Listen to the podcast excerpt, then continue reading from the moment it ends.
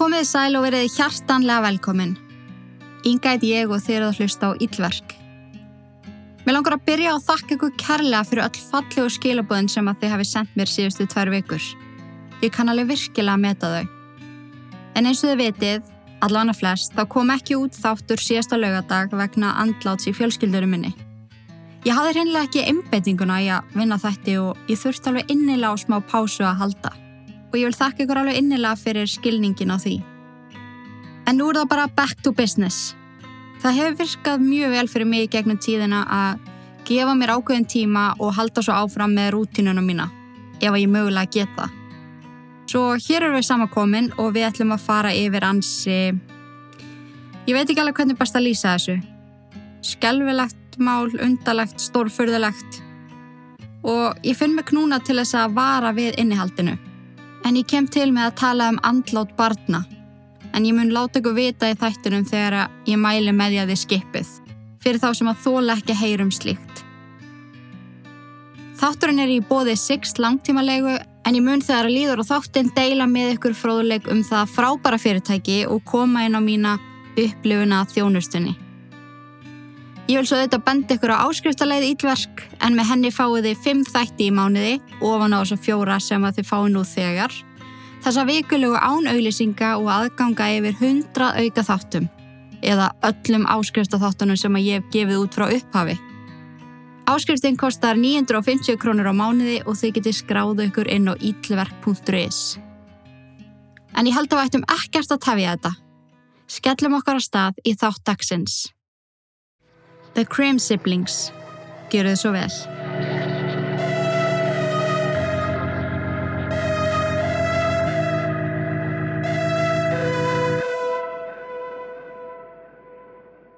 Kevin Krim vissi að það væri eitthvað að þegar hann lendi á Kennedy fljóvellinum í New York. Því að um leið hann slökti á airplane mode þá hjælt hann að síminn ætla að springa. Það voru svo marga tilkynningar. Símtöl, SMS, Facebook skilabóð, e-mail og allir voru að spurja hvort það væri ekki í lægi með hann.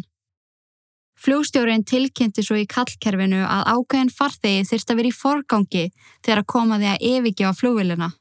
Allir ætti að setja kyrir þar til að þessi tildæni farþegi væri búin að sækja handfarangurinn sinn og farin út. Tilfinningin var ekki góð þegar að fljófriða gekk að Kevin og baða um að fylgja sér. Oh shit. Hann var þessi forgangsfarþegi. Á leiðinni í gegnum flugstöðuna þá ringdi sími Kevin. Það var máur hans og hann var með skjálfilegar frettir. Í því ganga hann um tveir laurugluþjónar og spyrja. Erst þú Kevin Krim? Hann kinga kolli og þeir leiðan út af flúvellinum og inn í lauruglubíl.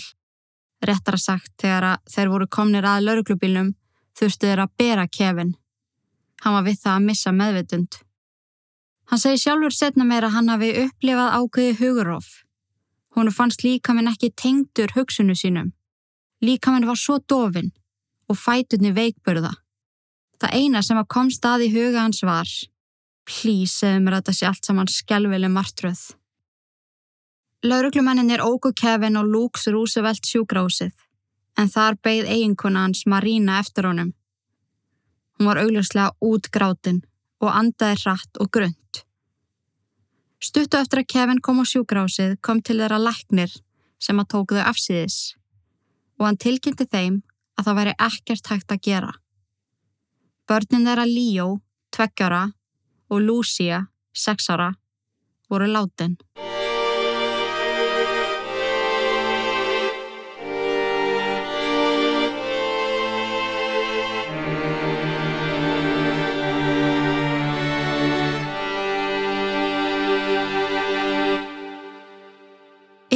Til verri frettir fyrir fóreldra að fá? Ég held ekki. Hjónunum var ekið af lauruglumönnum frá sjógrásinu En þegar að bílinn er að keira í burstu af bílastæðinu, næst þessi ótrúlega átakanlega ljósmynd af Marínu. Fjölmiðlar hafðu hyrst af þessu og taktlausir drefið þeir sig að sjúkrásinu til þess að ná mynd af sirkjandi fóruldrónum. Þessi tiltækna ljósmynd átti eftir örfa og klukkutíma eftir að príða forsiður allra dagblaða New York borgar og víðar. Ofan á allt þurftu Kevin og Marina að kingja þeirri staðrind að börnin þeirra voru myrst á staðnum þar sem að þau áttu að vera örug. Heima. Í baðkarinu sem að Marina hafði baðaðu í kvöldi áður. Aðili sem að þau treystu með öllu sínu hjarta. Myrsti börnin þeirra. Aðili sem að þau hafðu bóði velkomin inn á heimili sitt í heil tvö ár. Aðili sem að hafði passað upp á börnin þeirra eins og sjáaldur augasins. Þau trúðu valla að þetta væri í alverðin að gerast. En Kevin og Marina voru á góðum stað í lífinu þegar þetta átti sér stað. Þau voru ástfangin og elskuðu fjölskyldina sem að þau hafðu búið til saman. Upprannlega kynntust þau á ítölskum veitingastað á Venice Beach í Kaliforníu. Marina bjóð þá á Manhattan Beach og Kevin í Thousand Oaks sem er stort útkverfi rúmum 40 mílum vestur af Los Angeles. Þegar þau kynntust var Marina að klára námi sitt í Southern California háskólanum og Kevin var ný útskrifar úr Harvard og starfaði hjá McKinsey & Company sem er lögfræðiskrifstofa í Los Angeles. Þau giftu sig árið 2003 og þrem árum setna, árið 2006, eignuðist þau fyrsta barni sitt saman, dótturina Lucindu, sem var alltaf kallið Lulu. 2009 eignuðist þau dótturina Nessie og ansi óvænt þegar að Nessie var vartla orðin einsás komust að því að Marina var ófrísk aftur. Þegar þriðja bann, sonurinn Líó, kom í heiminn árið 2010. En Marina hafði þarna verið að vinna á heiltsölu sem að flutti inn púður sem er gert úr kaldpressuðum ávöxtum. En þetta púður er til dæmis notaði að búa til akæskálar en Marina var mjög fróð þegar að koma ofurfæðu og hotlu matræði. Hún ákvað þó að hætta í vinnunni þegar að Líó kom í heiminn og njóta þess að vera með litlu börnunum sínum heima. En stór ástæða fyrir því að hún gata var því að Kevin var bóði ný vinna og hinn ymsu auka gig sem voru vægast sagt góð á ferilskrana. Hann starfaði um skeið fyrir Yahoo og Bloomberg en hún var svo bóðin först staða hjá CNBC sem framkvæmdastjóri. Í kjölfarið flutti fjölskyldan til San Francisco svo Kevin væri nær nýja starfinu. En þau byggu ekki lengi þar. En um mitt árið 2010 þá fluttuðu til New York vegna breytinga á vinnustöðu Kevin. Þau keipti sér íbúð á 57 West 75th Street at Columbus Avenue á Upper East Side í Manhattan. En alltaf þegar ég heyri Upper East Side þá hugsa ég alltaf strax um Gossip Girl. en íbúðum var ótrúlega falleg og í sögu frægri byggingu. Staðsett í virkilega góðu hverfi rétt hjá Central Park. Fjölskyldan nöyt sín í New York og þau voru að hafa það alveg verulega gott. Kevin þurfti að ferðast heldur mikið út af vinnunni en fjekk þó góð fríin og milli. Marina var heima með börnin sín en kendi stundum í listasmiði fyrir krakka í Museum of Natural History. Hún hjælt einni út í blogginu Live with the Little Cream Kids. En í því bloggi kom hún inn á hinnar ímsu uppeldis aðferðir, leiki, uppskriftir og lærdomsefni fyrir börn. Ásandi að segja frá hlutun sem hún gerði með börnunum sínum. Með þeim færslum fylgdu skemmtilega myndra börnunum skjálbrósandi að skemta sér konunglega í hinnum ymsu ævintýrum með mömmu sinni. Þegar Marína var gengið nýju mánuða leið með Líó, gekka henni kona er hún fyldist með dóttu sinni Nessi á ballettæfingu. Konan hétt Cecilia Ortega og hafði hún og Marína oft spjalla saman á ballettæfingum þar sem að dóttir Cecíliu æfði þar líka. En hún gengur hann upp að henni og spyr hana hvernig henni líði, hvernig allt saman gangi. Svo nefnur hún það við Marínu að hún ætti að skoða það að ráða bartfóstru sem geti aðstofað með börnin. Hún vissi um eina dásanlega sem hún vildi endilega fá að mæla með. Marína hafði alveg hugsað út í bartfóstru eða eitthvað skona hjálp og rætta við Kevin sem að var alveg sammála. Cecilia saði Marínu að sýstir hennar, Jósilin, væri með ára langa reynslu sem bartfóstra. Hún væri svo dásanleg og börn kölluði hana yfirleitt ömmu Hún ætti klárlega að hugsa málið, því tvö kortnung börn varu mjög krefjandi fyrir eina konu. Marína hafði þó samband við Jocelyn og baði hennu um meðmælandabref sem var sendt til hennar um hæl. Brefið var frá Jackie Sevarío Vargas og þar komu fram glimrandi meðmæli. Börnin hennar elskuðu Jocelyn og hún hefði hjálpað henni og fjölskyldu hennar alveg gríðarlega. Marina hafði nokkra spurningar fyrir Jackie sem að hún svaraði strax og vel. Marina hitti svo Jocelyn, spurði hann á spurninga, síndi henni myndra á krokkunum og konunnar einhvern veginn smullu. Í lók viðtalsins réði Marina hann í vinnu við að gæta barnan hennar. Hjálpina að koma þeim á æfingar og bara allt sem hún náði varðla að gera einn. Marina og Jocelyn komist á því samkommulagi að Jocelyn myndi vinna 25 klukkustundur á viku, sem eru 5 klukkustundur á dag. Hún myndi vinna mestmægnis setnipart dags og fengi 18 dólar á klukkutíman. Dýl sem að Jocelyn samþykti og var mjög ána með. Krimsfjölskyldan var komið með bartfóstru og ringdi Marina ansi spennt í eigimann sinn til þess að segja honum frettinnar. En Jocelyn Otega var fætt árið 1962 sem að þýðir að hún var 48 ára gömul þegar hún kynntist krimsfjölskyldunni. Hún var upprannlega frá Santiago de los Caballeros, borgi í Dóminíska líðveldinu, en hafði síðustu 8 árin búið í bandaríkjónum. Hún var mentaði bókari og hafði meðal annars unnið á bókald skrifstofu í New York en ástæðan fyrir því að hún setti stað í New York var vegna eldri sýstu sinnar, en Jocelyn var næst yngst átta sískina. Áður en hún flutti til bandarækjana eða árið 1995 þá giftist hún manni og eignaðist með honum svonin Jesus Albert Frías. Jesus var aðeins fjóra ára gamal þegar að fóröldri hann skildu og tók Jocelyn ákvörun um að koma seni sínu fyrir í fóstri hjá sýstu sinni sem að bjói í dómiriska liðveldinu. Jocelyn ætlaði aftur til bandaríkjana og lofaði að senda þeim alltaf peninga. En hún hafði hérna ymsu drauma sem hún sá ekki fyrir sér að erða raunveruleika í heimalandi sínu. Hún fóð svo 3-4 sinum ári aftur heim til þess að heimsækja fjölskyldu sína og svon sinn. Og í hvert sinn lofa hún sinni sínum að eitt daginn mynda flytja til hennar og þau myndu eiga gott líf saman. Og hún livði á þessu.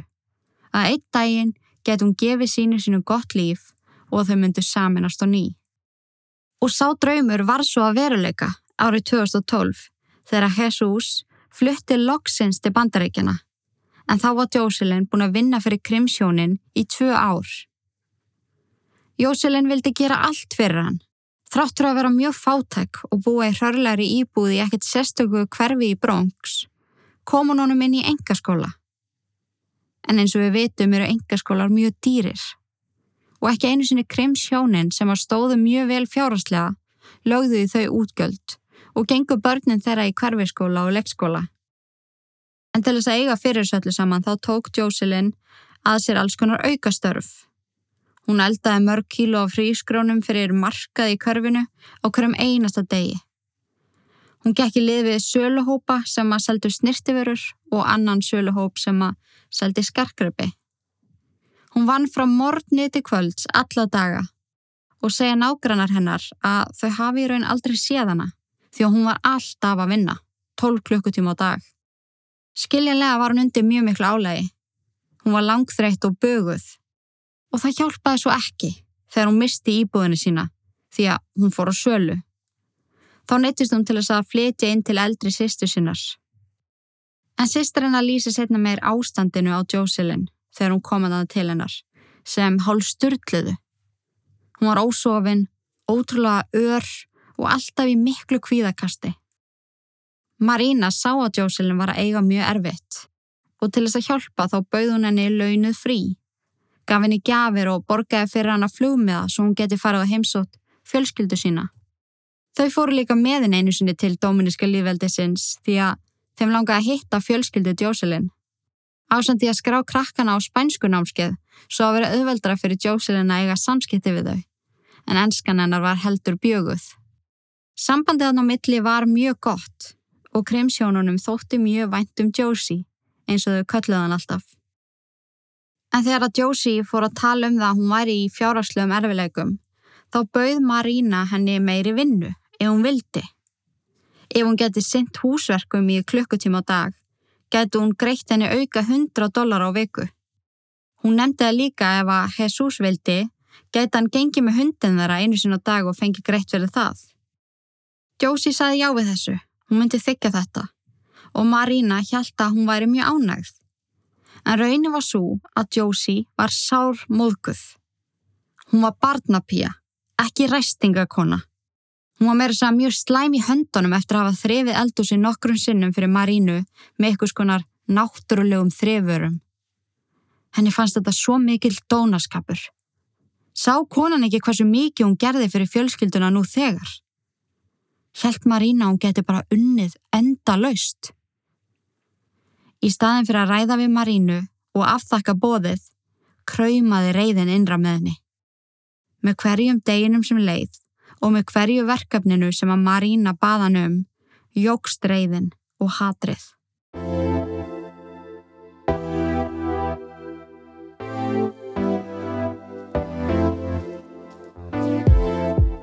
Enn og aftur þá elska ég að fá skilabóð frá ykkur í samstarfi við Sixt langtímalegu. Mörg ykkar eru mjög forvitin og hrifin af konseptinu. Mér leiði allan að mega fullarins þegar ég sati hérna við eldursporði heima og aðstóði vinahjón mín við að velja sér bíl og fara yfir kostina sem var langtímalegu fylgir. Þau þurfa nýjan bíl en budget fyrir því er ekki til staðar. En þrjú börn eru til staðar og þau búa þannig að bíl er nöðsilegur. Eftir hérna ímsu útreikningar komust þið að þeirri niðurstöðu að í staðin fyrir að taka yfirdrátt og lán fyrir bíl var langtímalega hagkvæmasti kosturinn. Þau ætla svo auðvitað að nota kóða minn ítverk fyrir auka 250 km á mánuði. En svo er eitt sem að mér langaði að nefna á ykkur líka. Það hafa sennilega allir tekið eftir í að það er frekar mikil snjór úti. Allan að það sem ég er. Og eins og ég hef líka sagt ykkur, þá er ég á Yaris Hybrid frá Sixt langtímalegu. Þótt að ég komist nú alveg frá A til B, þá er ég að lenda svolítið í því að festa mig á bílastæðinu, því að moksturinn er því miður bara ekki til staðar hérna í göttunum minni. En í staðin fyrir að láta mig hafa það og fara bara ekki neitt, ætla ég að nýta mér eitt mega sniðið hjá Sixt. Ég ætla að fara og skipta yfir í stærri bíl á meðan mesta snjóvesenið gengur yfir.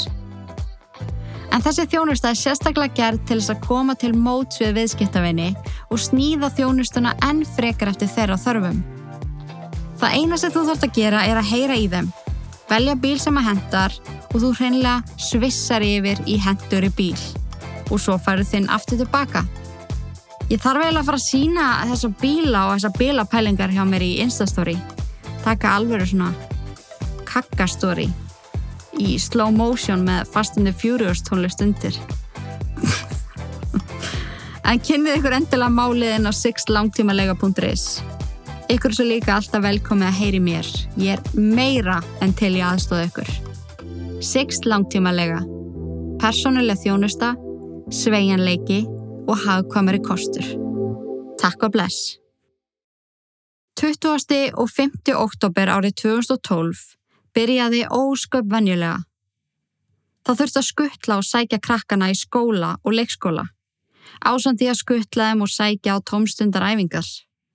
En dagsgráð dagsins hljóðaði svona. Josie kom klukkan þrjú og tók Leo með sér í kerru að sækja Lulu í leikskólan og lappaði svo með hana á ballettæfingu. Þegar hún var búin að kominni þangað, ætlaði hann með Líó heim svo hann geti lagt sig. Marina var svo með Nessie á sundæfingu og ætlaði svo að sækja Lulu á ballettæfingu og koma svo og leysa Josie af klukkan hálf sex. En Josie fór ekki eftir dagskráni. Hún kom klukkan þrjú og fór með Líó í kerru að sækja Lulu en hún fór ekki með Lulu á ballettæfingu. Heldur fór hún með bæði börnin heim. En CCTV myndavilar sanna það í kringum hálf fjögur gengur hún með börnina í búðinni og um klukkan fjögur er þau komin heim. Á meðan þá beð Marina eftir að sundæfing Nessi kláraðist. Þegar hún var búinn fór þar meðgur í dansstúdióið til þess að sækja Lulu. En þar var Marinu tilkynnt að Lulu hafi ekki mætt þennan dag. Það fyrsta sem að kom upp í huga Marinu var að Josie hafi glemt æfingunni og farið með krakkana heim eða á Róló. Svo hún sendir Josie SMS klukkan fjóra mínútri við fimm. Hvar ertu? En hún fekk ekkert svar. Hún sendir þá annað SMS á spænsku. Donde está? En fær ekkert svar. Þetta var mjög ólíkt Josie sem var yfirleitt snögg að svara SMS-um. Marina fann bara á sér að það var eitthvað að og dreif sér heim með Nessie. Klukkan 20 mínútur yfir 5 komu Marina og Nessie heim. Það var allt slögtin í íbúðinni og allt svo hljótt, eins og enginn væri heima. Hún leiti kringu sig og kom auga á auða kerru Líó og balletthöskunana Lulu. Hún sendi Josie annað SMS. Hvar ertu? En fjekk ekkert svar. Þar sem að enginn virtist verið í íbúðinni fór Marina aftur nýri lobby og spurði húsverðin hvort að hann hafi nokkuð séð Josie og krakkana. Það störfiðu tveir húsverðir í byggingunni og þeir hafðu haft vaktskipti stuttu áður, svo þessi húsverður svara neytandi. Marina er orðin verulega áhyggjufull og fer aftur upp í íbúð með Nessie. Í þetta skipti fer hún alveg inn í íbúðuna og lokar á eftir sér. Hún gengur um og lítur í kringum sig og sér þá að ljósin á baðherbygginu voru kveikt en hurðin lokuð. Hún kallar á Josie, Lulu og Leo en fær engin svör. Hún tekur Nessie í fangið og gengur að baðherbyggjishörðinni og opnar hana. Við henni tekur skelvileg sjón. Sjón sem hún mun aldrei ná að þurka úr huga sínum. En hérna ætla ég að setja trigger warning. Baðherbyggið var gössalega þakið blóði. Vekkir, golf, loftið, vaskurinn, þú sást valla í upprönnilegan lit því að allt var raukt. Í baðkarinu sátu börninina tvö í nefri, fullklætt og þakinn blóði frá toppiti táar. Marína kallaði á þau, en börnin hreyðu sig ekki. Hún vissi á þessu auknabliki að þau væru bæðið dáin. Svo leitt Marína á Josie. Hún stóði í hinum endanum á baðherbygginu með eldursnýfi í hendinni. Konundar sögðu ekkert, heldur störðuðar bara á hver aðra. Svo skindilega gefur Josie frá sér lágt öskur og stingur sjálfa sig í hálsin aftur og aftur þar til hún fellur í gólfið. Stór blóðpollur myndast í kringum hana og er Marína vissum að hún hafi drepið sig þannig beint fyrir framann hana. Marína öskraði með öllum lífs- og sálakröftum og glemdi því örlittla stund að hún hjælt enþá á Nessi sem var vittni af þessu öllu saman. Marína hljóp með dótti sína í fanginu út úr íbúðinni og niður í lobby. Þar hrund hún í gólfið og öskraði að börninarnar væru bæðið dáin.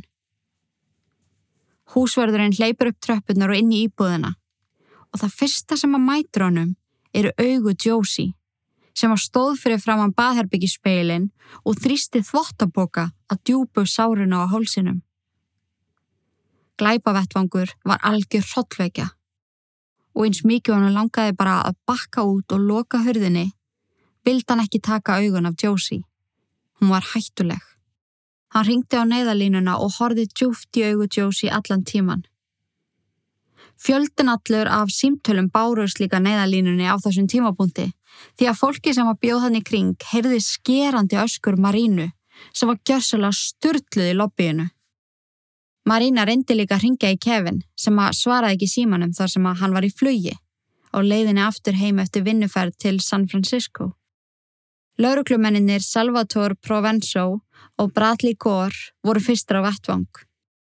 Þegar þeir stegu inn á blóðugt baðherbyggiskólfið, látt Jósilinn þar meðvitundalauðs. Þeir klofuðu yfir hana og vitjuðu barnana, en þeir sáu fljótt að Marína hafði rétt fyrir sér. Bæði börnin voru dáin. Þau voru fjarlað úr íbúðinni saman og börum fyrir fullorðna, en bráðalegar vildi ekki aðskilja sískinin. Margir sem á voru við störf þennan dag segja að þetta hafi verið blóðugasti vettvangur sem þær höfðu nokkuð tíman séð. Líkt og ykkur hafi hreinlega smurst gólfið, vekkina og loftið með blóði. Áverkar Jocelyn voru mjög alvarleir, en þó ekki lífshættuleir. Hún var flutt á sjúgrás og beint í aðgerð til þess að gera við barkan í henni sem að hún hafi skorið í. En núna vitum við hvað all e-mailin og símtölin og SMS-in sem að Kevin var að fá þegar hann lendi í New York. Núna vitum við um hvað þau voru. Spáiði í tilfinningunni. Fyrir nokkru mínútum sast í róliheitunum í flugvél og þeir hlakkaði svo til að koma heim. Nokkru mínútum síðar var orðið að marstruð. Krupning á líkum barnana leti í ljós skjálfilega áverka. Lulu var stungin yfir 30 sinnum. Það voru ábyrrandi áverkar á höndunum á henni sem að laknir vildi meina að væru sjálfsvarnar áverkar. Hún reyndi að verja sig með höndunum en það sem að varðin að bana var djúbur skurður þvert yfir hálsin. Það djúbur að nýfurinn stoppaði ekki fyrir hann að hafa komin að mænunni. Á höndum Líó voru ekki svona sjálfsvarnar sár, en það er talið líklegast að Jóselin hafi ráðist á hann meðan hann svaf í kerrunni sinni. Á líkama hans voru fimm stungusár. Höfuð hans var nær skorið af, en það eina sem að hjælt honum á var mænan. Þegar að Jósilin vaknaði loksins og var komin í það gott ástand að hún gæði talað, yfirherði lauruglan hana. Hún viðukennir að, jú, ég var þarna, en ég gerði börnunum ekki neitt. Hún spyr ekki út í kreimsfjölskylduna eða hvort það sé í lægi með börnin. Það eina sem hún segir er að Marína veit hvað gerðist og eigðir svo mjög miklum tíma í að kvarta yfir henni. Hún hafi alltaf verið að skipa henni fyrir Hún var alltaf að bæta við verkefnum, breyta dagskráni á síðustu stundu. Hún hafi ekki viljað hækka við hann á launin, þótt hún hafi sagt henni að hún var í peningavandræðum. Það eina sem að Marína hafi gert fyrir hana var að bjóða henni meiri vinnu, annars fekk hún ekki meiri pening. Marína hafi alltaf komið illa fram við hana, eins og hún var í þræll. Hún hafi efna á því að veita börnunu sínum allt sem að þau vildu. Tómstundir, mentun, fött, eitthvað sem hún gætt aldrei gert fyrir svon sinn. Hún vildi sína Marínu að lífið var ekki alltaf dans og rósum. Planið var að taka svo eigi líf eftir hún hefði séð viðbröð Marínu við látnu börnunu sínum, en það plan fór úrskiðis. Svo ef að við virkilega veltum fyrir okkur kvatanum fyrir þessu, þá var það öfund. Marína átti líf sem að Jocelyn fannst hún aldrei geta átt og það pyrraði hana svo mikið að Marína hafi bóðið henni meiri vinnu, eins og hún hefði ekkert betra að gera. Hún vildi hefna sína á Marínu með því að taka það dýramætasta frá henni, sem að voru börnin hennar. Nokkrum klukkutímum eftir yfirheysluna var Jocelyn handtekinn og ákjærð fyrir morðið á börnunum. Lögfræðingu Jocelyn Valerí Vanler Greenberg, taldi hana ósakhæfa vegna geðrætna vandamála. En allt í einu komu upp þær sögur að frá 16 ára aldri hafi Jocelyn heyrst rattir djöfulsins sem að skipið henn að gera hluti. Djöfullin sjálfur hafi byrst henni dæin örlaðaríka og skipað henn að taka börnina lífi. Ofan á það þá hjælt Jocelyn því fram að hún væri saglaus, svo að réttahöldin töfðust talsverst eða um rúm fjögur ár. Á þessum fjórum árum fór Jocelyn í mörg greiningaferli og töyir geðlækna rettu við hana. Engin tald hana geðveika. Það var ekkert sem að síndi fram á það. Hún var því talin hæf til þess að koma fram í eigin réttahöldum. Réttahöldin hófust hann 1. mars árið 2018 og allt í einu þá talaði Jocelyn enga ennsku og þurfti spænskumælandi að þýða fyrir hana. Láfræðinga Jocelyn held áfram með þá kenningu að hún hafi verið andlega veik þegar morðin áttu sér stað, en gáttu ykkur neginn ekki sett neginn stóð undir þá kenningu. Marína og Kevin segja líka frá því að þau hafi aldrei nokkuð tíman tekið eftir ykkur undalegu í farið Josie. Hún hafi ekki tekið neinn lif og alltaf verið mjög róleg og yfirveguð.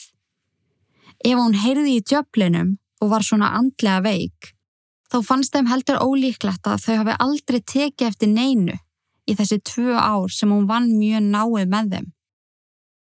En Marína og Kevin hafðu þarna fengið tíma til þess að byggja sig aftur upp og fengu þarna loksins tækifæri til þess að tala beintið Jocelyn og segni hvað þeim raunverulega bjóði brjósti. My family and I, we create and build. The defendant and her family, they destroy and ruin. The defendant set out to destroy what Kevin and I had created and built an inspired, happy, thriving family. But she failed What actually happened is the defendant destroyed her own family. She has destroyed the pride her family once felt. She's destroyed any sense of peace they'll ever have. We have seen the true colors of her and her family members because of this. There's a terrible pattern of terrible judgment. And lying and deceiving people is a way of life for this family. Any shred of dignity the defendant's family had after the murders has been destroyed. Over the past five and a half years, the defendant has shown not an ounce of remorse. Not a single one of her family members has ever reached out to my family to say, I'm sorry for your loss. The defendant's son, Jesus Frias, sat in front of a traumatized jury, winking and grinning at the jury members as if it were some kind of reality TV show he wants to win. And under oath, referred to the defendant's actions as an accident. Just to clarify for Jesus, disposing of a cell phone, packing two suicide bags the morning of, lurking around the neighborhood for 45 minutes to avoid crossing paths with me. And finally, asking the doorman whether I was home so she could carry out her plan of slaughtering my two children. That is not what an, what an accident is. That's delusional. The idea that this was an accident is a big problem for me because this was not an accident. And that word shows that this family still after five and a half years, has still not taken responsibility for their roles in these murders. They are still trying to cover up for her and themselves. The terrible judgment of the defendant's family doesn't stop with Jesus. They just can't seem to do the right thing. Sister Celia Ortega, she's the liar who started this whole nightmare seeking me out and looking me in the eyes, telling me that the defendant was an experienced nanny. Niece Jackie Severino Vargas followed this lie up uh, with a fake recommendation written from her legit work email address. This detailed recommendation convinced us that the defendant had good experience these unethical women deceived me from the very first moments our paths crossed. This entire family continues to lie and deceive their way through this. And look at the so-called lawyers and experts they've surrounded themselves with, disgusting people who seem to have fallen for their lies, or perhaps even added to them. What is wrong with them? The defendant may think she destroyed Lulu and Leo, but she is a failure in this too. Lulu and Leo are powerful forces. They are two stars now that will always lead us forward. Thank you. We are distraught because Lulu and Leo, these beautiful and innocent souls, were only with us for six and two years, respectively, blinks of an eye. We are certainly distraught over how they died, over the terrible violence the lack of any sense of it all. We miss them so, so much. Marina and I already miss the little things the most. We miss picking Leo up out of his crib with a happy mama or dada from him and always a big hug. We miss watching Lulu pick out her own clothes, helping her with a button. We miss hearing them call out my name and run to hug me when I got home from work. We are so sad that they, we won't get to see them grow up. I had simple fantasies of proudly cheering Lulu and Leo on as they became these great people. I didn't care what they did, I knew they'd be great. It is so unfair that they are gone. Unfair to them, unfair to us, unfair to the world. They are gone too soon. But let's be sure everyone listening today is perfectly clear. The defendant's family lied to the court about the defendant's sanity. The jury made it clear that they didn't believe these bogus claims of voices and black shadows and demons and pots and pans being thrown around. and deranged calls that never happened. The excellent ADAs here made sure that the court heard that these were fiction. What this court didn't hear enough of was how the family lied about the defendant's background to us. They faked her history and her references to make her seem qualified when she certainly was not. Their lies led directly and deliberately to our decision to hire the defendant. The defendant and her family lied to us and to this court out of purely selfish motives. Celia Ortega lied to get her sister a job. Jacqueline Severino, known to her colleagues as Jackie Vargas, created an entirely fake reference, every word of it a fabrication, to get her a job. Judge Caro, this defendant and her defense rejected two plea, plea bargain offers from you. Marina and I were against these offers, as you know. But we also knew she would undoubtedly reject them because, being the malignant narcissist that she is, she would never accept responsibility and say aloud in front of this court that she was guilty. We also knew she wanted to put Marina and the rest of us through the pain of this trial, and it was awful. Awful and wrong that the jury had to go through that, that everyone in this court every day had to go through that. And let's be sure everyone listening today acknowledges and never forgets this. It was a disorderly, callous, venal, crass, manipulative, manipulative indecent, ignorant, self engrossed, pointless, shameless, and at its core, an utterly dishonest and brutally cruel defense. It's hard to know which parts came from whom, the defendant or her defense attorneys, but it was all of a piece. We were against the plea bargains because we didn't want to have to tell Nessie that the evil monster that killed her sister and brother would have a chance someday of going free and seeing her sister and son again, her sisters and son again. Nessie does not deserve to have that hanging over her. So, Judge Caro, I trust that you do not need this request from Lulu and Leo's dad. After all you've heard and seen, but I will make it anyway.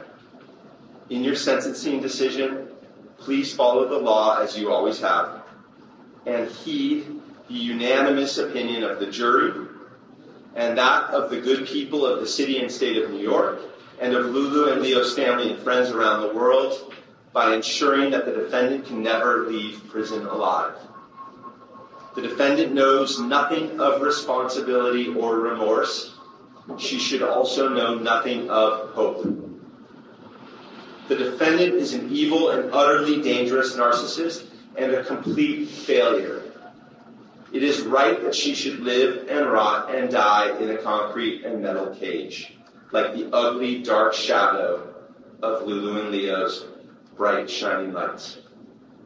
And more importantly, it is right that she will go from being hated by the world to being forgotten by the world before she's even dead. In my most difficult moments, I try to ask myself what Lulu and Leo would choose to do. It's the best beacon of hope, best guidance most of us could ever hope to have. Thank you. Thank you. Fjölskylda Jocelyn stóð mjög þjætt við baki á henni öll réttahöldin. Sisturinnar sem að stegu fram sér vittni sögðu að vikuna áður en morðina við átt sér stað hafa hún hagað sig mjög undarlega. Elsta sýstirinnar segir að þar hafi talað saman í síman daginn sem þetta gerðist og Jocelyn hafi hljómað eins og djöfullin sjálfur. Hún var vissum að ill öll hafi yfirtekið sýstu sína.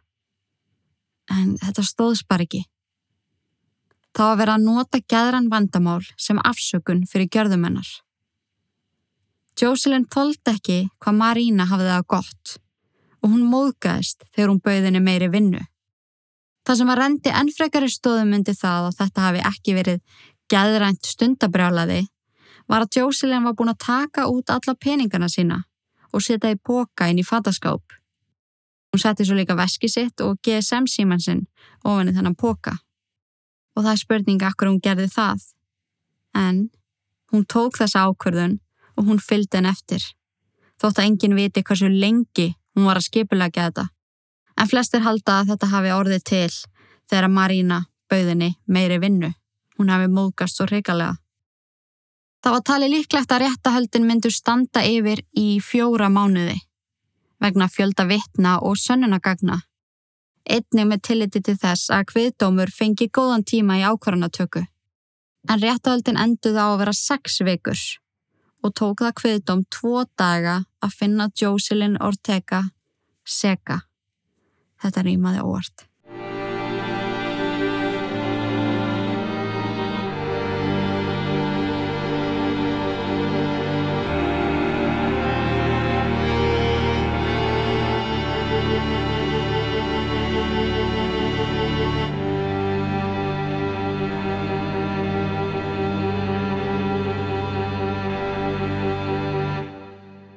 Jocelyn fekk svo tækifæri til þess að tala og það sem að hún kaus að segja er þetta. Ég byggðist afsökunar á þessu öllu saman en ég vona að enginn þurfa að ganga í gegnum það sama og ég hef þurft að ganga í gegnum. Þótt að allir vilja mig dauða, þá er líf mitt í höndum Guðs.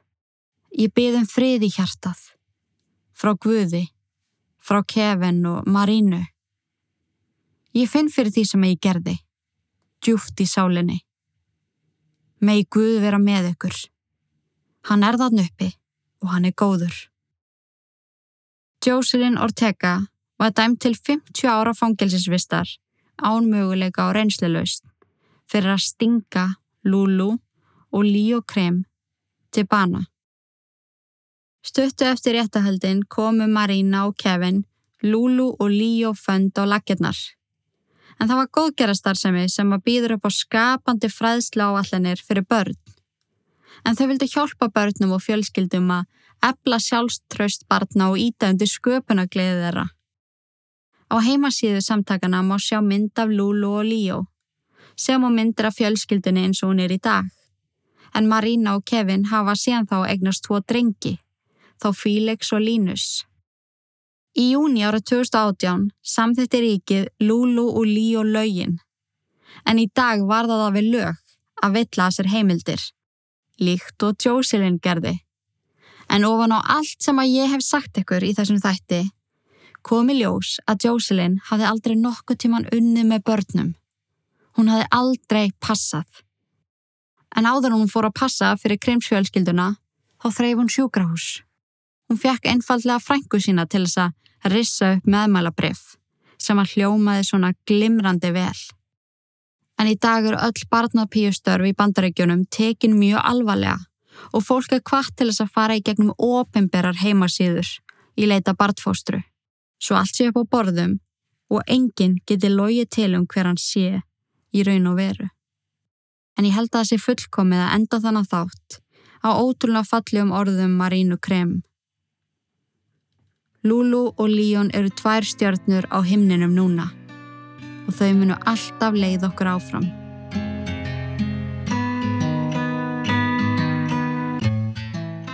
Takk ykkur kærlega fyrir að hlusta. Takk fyrir að vera til og í Guðanabænum forðist öll ítverk nema þetta podcast. Veriði sæl. Haugur, take it away. Sættu sjöfið og þú dottir eftir lukku. Sýta sáli sem í djúpa hafi sökku. Gangin lífi eins og flugur inn í krukku meðan 666 andast uppu Lækka sjöfið og þú dottir eftir lukku. Týnda sáli sem í djúpa hafi sökku Gangin lífi eins og flugur inn í krukku meðan 666 andast uppu Þegar úti fyrir að dimm og frostin ístir inn að beini. Engin engil sem að veiti verði í eðulögðum heimi sem að lagðist í eði með heift og sakli syngjar týndu lífum. Verkin ítlu sem að fólki sá í sínu sínum Hversu margir hræðast drauga? Hversu margir hræðast að að horfi í auku dauða? Saugu taka mann á taugum eins og andar sem að þerja mann. Hvaði voru á himnum fyndu engil til að verja mann. Hjartaslæri svo það sé með djöfulinn á hælunum Refur á móti hænunum Úlfur með sögða gæru Ílska reykar í bænum og lömpi þakma Þórað ekki að vanda allt og marga sálir sem að tilbyðja fjanda. Hamingja krasar eins og skip sem strandar Anda dráttur milli handa hættir að vanda Þegar að þreyttir að hálsi. Þegar ótti tekur yfir missa sakli syngjar máli Sálum hent á báli málið eins og nortni galdra fári Bættu sjöfið og þú dottir í lukku. Sýnda sáli sem í djúpa hafi sökku Hangin líf eins og flugur inn í krukku Meðan 666 andast luppu Bættu sjöfið og þú dottir í lukku. Sýnda sáli sem í djúpa hafi sökku Hangin líf eins og flugur inn í krukku Meðan 666 andast luppu Er það reyði sem að geri megin Skeppnuskapur eins og grimmir hundar sem að naga bein Eins og rifur inn í hænsna kofa hænur sofa svefninum langa þegar að andar koma. Þegar illir andar taka yfir liði fyrir yfirlið ef ljósið andar fara fyrir. Flesti kjósa fá að halda friði liðið í þar um og missi trúna sem það liði fyrir Flesti stand eftir og stara bara hendi sjúkum hug eins og hjá blóðþyrstum talíbana Þau þurfa að byggja fyrir sálum sínum. Eins og píkill sem er háður vímu þjáður er í sálum sínum. Byður um það eitt að hlusta sé á alla bænir sínar. Engið hefur grýtt að vegi alla fokkin æfi sína. Við skulum kveikja nokkru kertum á. Viltu fá að sjá 666 vandamál? Bættu sjöfið og þú dottir ert í lukku Týnda sáli sem í djúpa hafi sökku Fangin líf eins og flugur inn í krukku Meðan 666 andast luppu Bættu sjöfið og þú dóttir eftir lukku. Hýta sáli sem í djúpa hafi sökku Hangi lífi eins og flugur inn í klukku Meðan 666 andast klukku Býðum í andartak, andarfrátur, andarfar. Í andarklassi skilji andar eftir andarfar Býðum í andartak, andarfrátur, andarfar. Í andarklassi skilji andar eftir andarfar Býðum í andartak, andarfrátur, andarfar. Í andarklassi skilji andar eftir andarfar Býðum í andartak, andarfrátur, andarfar skilji andar eftir andafar